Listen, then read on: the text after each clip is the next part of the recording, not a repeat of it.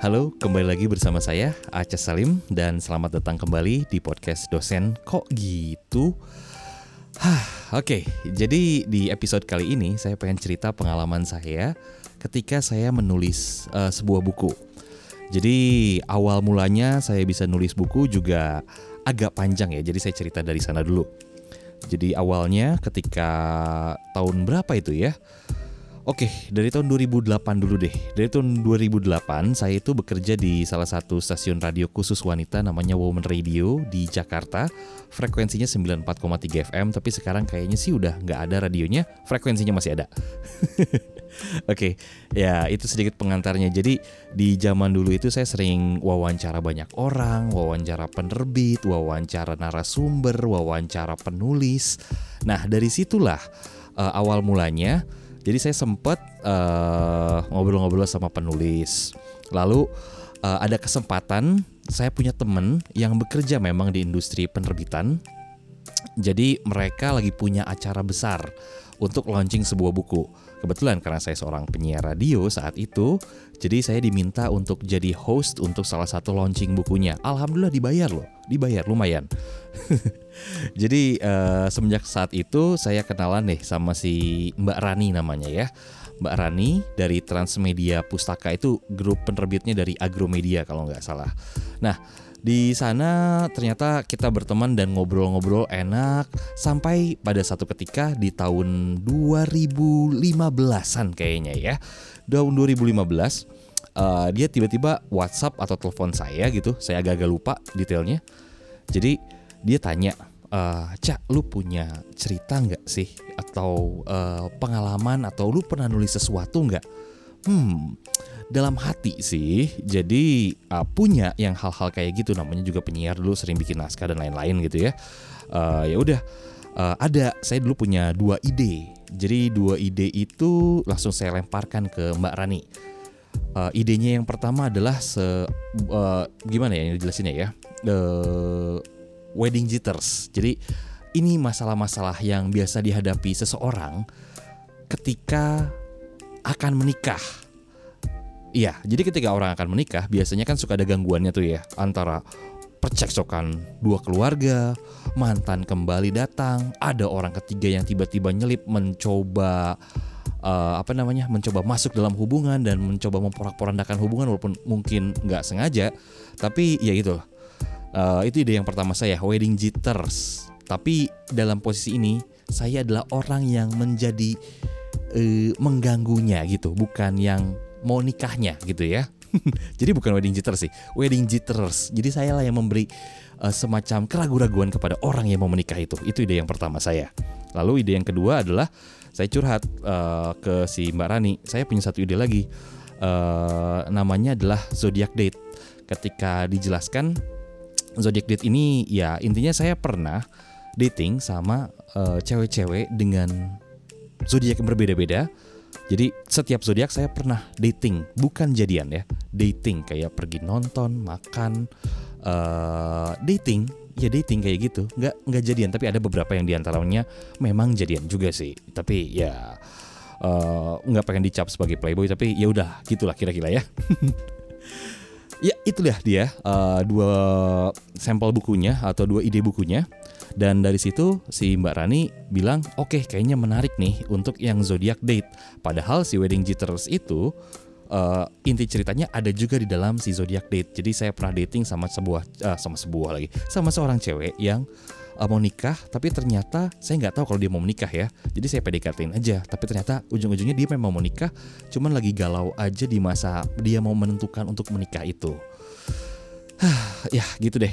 Jadi uh, itu awal mulanya saya untuk bisa bergabung ke dunia penerbit dan penulisan. Jadi setelah itu Mbak Rani minta kepada saya, Cak coba bikin draftnya. Uh, sinopsis dulu deh kira-kira seperti apa dijabarin. Jadi saya nulis dulu deh segala macam sesuatunya. Dan disetujui alhamdulillahnya. Jadi uh, dari situ rencananya saya harus nulis kalau nggak salah tuh ya itu saya dikasih PR uh, bulan November tapi itu buku harus udah jadi di bulan Januari atau gimana gitu. Jadi beneran, saya nulis buku itu cuman sekitar 40 harian deh kalau nggak salah ya. Satu bulan setengah. Iya, kenapa bisa cepat? Karena jujur, uh, semua itu adalah pengalaman pribadi. Jadi gampang tinggal ngorek-ngorek aja kayak punya pengalaman sama mantan, sama dating yang gak enak, dikorek-korek tuh punya luka, dikorek-korek enak sih gatel gitu ya kayak eksim. Peribadatannya aneh. Tapi ya kira-kira sih kayak begitu. Jadi uh, ya tinggal ngebayangin mengingat-ingat uh, manis pahit sedih bahagianya saat-saat itu. Ya udah dan juga saya juga melakukan research sempat sempatnya research. Jadi dari setiap zodiak itu saya seenggaknya melakukan uh, interview atau semacam sampling kepada lima perempuan dari setiap zodiak. Hmm. Jadi kalau bisa dibilang uh, buku ini yang diterbitkan yang berjudul uh, zodiac date ini adalah kisah nyata atau apa ya bahasa kerennya ya biografi dating saya biografi dating. Belum juga terkenal tapi udah ada biografi datingnya ya. Ajaib tapi itulah uh, kisahnya. Uh, kisahnya memang nyata tapi ada yang dilebih-lebihkan gitu loh. Dan nama-nama dalam buku itu juga semuanya saya samarkan. Uh, itu dia, kira-kira sih begitu. Habis kalau disebutin nama aslinya kan gimana gitu ya, takutnya nanti uh, dia dia dia itu nggak terima or gimana saya dituntut. Ya memang sih. Tapi ya, ujung-ujungnya semua perempuan yang di situ yang ada di tulisan itu saya kasih bukunya satu-satu. Saya kasih kopinya. Eh ada satu perempuan sih yang enggak tapi mudah-mudahan dia nggak pernah tahu dan nggak pernah baca juga ya kira-kira sih begitu pengalaman saya untuk menulis semoga juga teman-teman yang kira-kira pengen uh, mencoba menulis uh, buku caranya memang uh, berliku ya. Ada yang memang rajin untuk uh, ngirimin naskah ke penerbit. Saran saya juga ya dari editor saya, kalau memang pengen melakukan dengan cara yang gangho itu atau yang coba coba-coba karena nggak punya kenalan di dunia penerbit gitu ya, uh, pastikan kamu mengikuti kaidah-kaidah struktur dari atau format dari si naskah yang harus disubmit. Karena kalau enggak nggak bakalan tuh dibaca sama sekali. Jadi udah diterima ya udah langsung dibuang begitu aja. Kalau enggak sesuai dengan kaidah-kaidah atau panduan-panduan yang mereka taruh di website di Instagram di mana pun itu. Gitu ya. Itu yang pertama.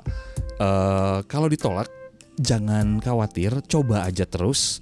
Saya juga udah pernah berapa kali gagal nulis nulis nulis. Dulu saya sering uh, apa namanya submit tulisan-tulisan saya ke Reader's Digest.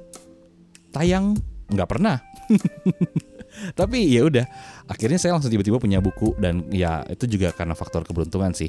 Laku atau enggak buku saya? Hmm, jujur saya bilang nggak terlalu bagus sih ya. Tapi itu sebuah kebanggaan saja se ke diri sendiri bahwa saya punya peninggalan dan buku itu sekarang walaupun fisiknya mungkin paling ada tuh ya kalau nggak di e-commerce atau di uh, apa namanya bazar buku diskonan yang udah murah-murah banget di toko buku yang besar itu atau di mana pun itu paling ada di situ tapi kalau yang pasti ada ya ada di Google Playbook.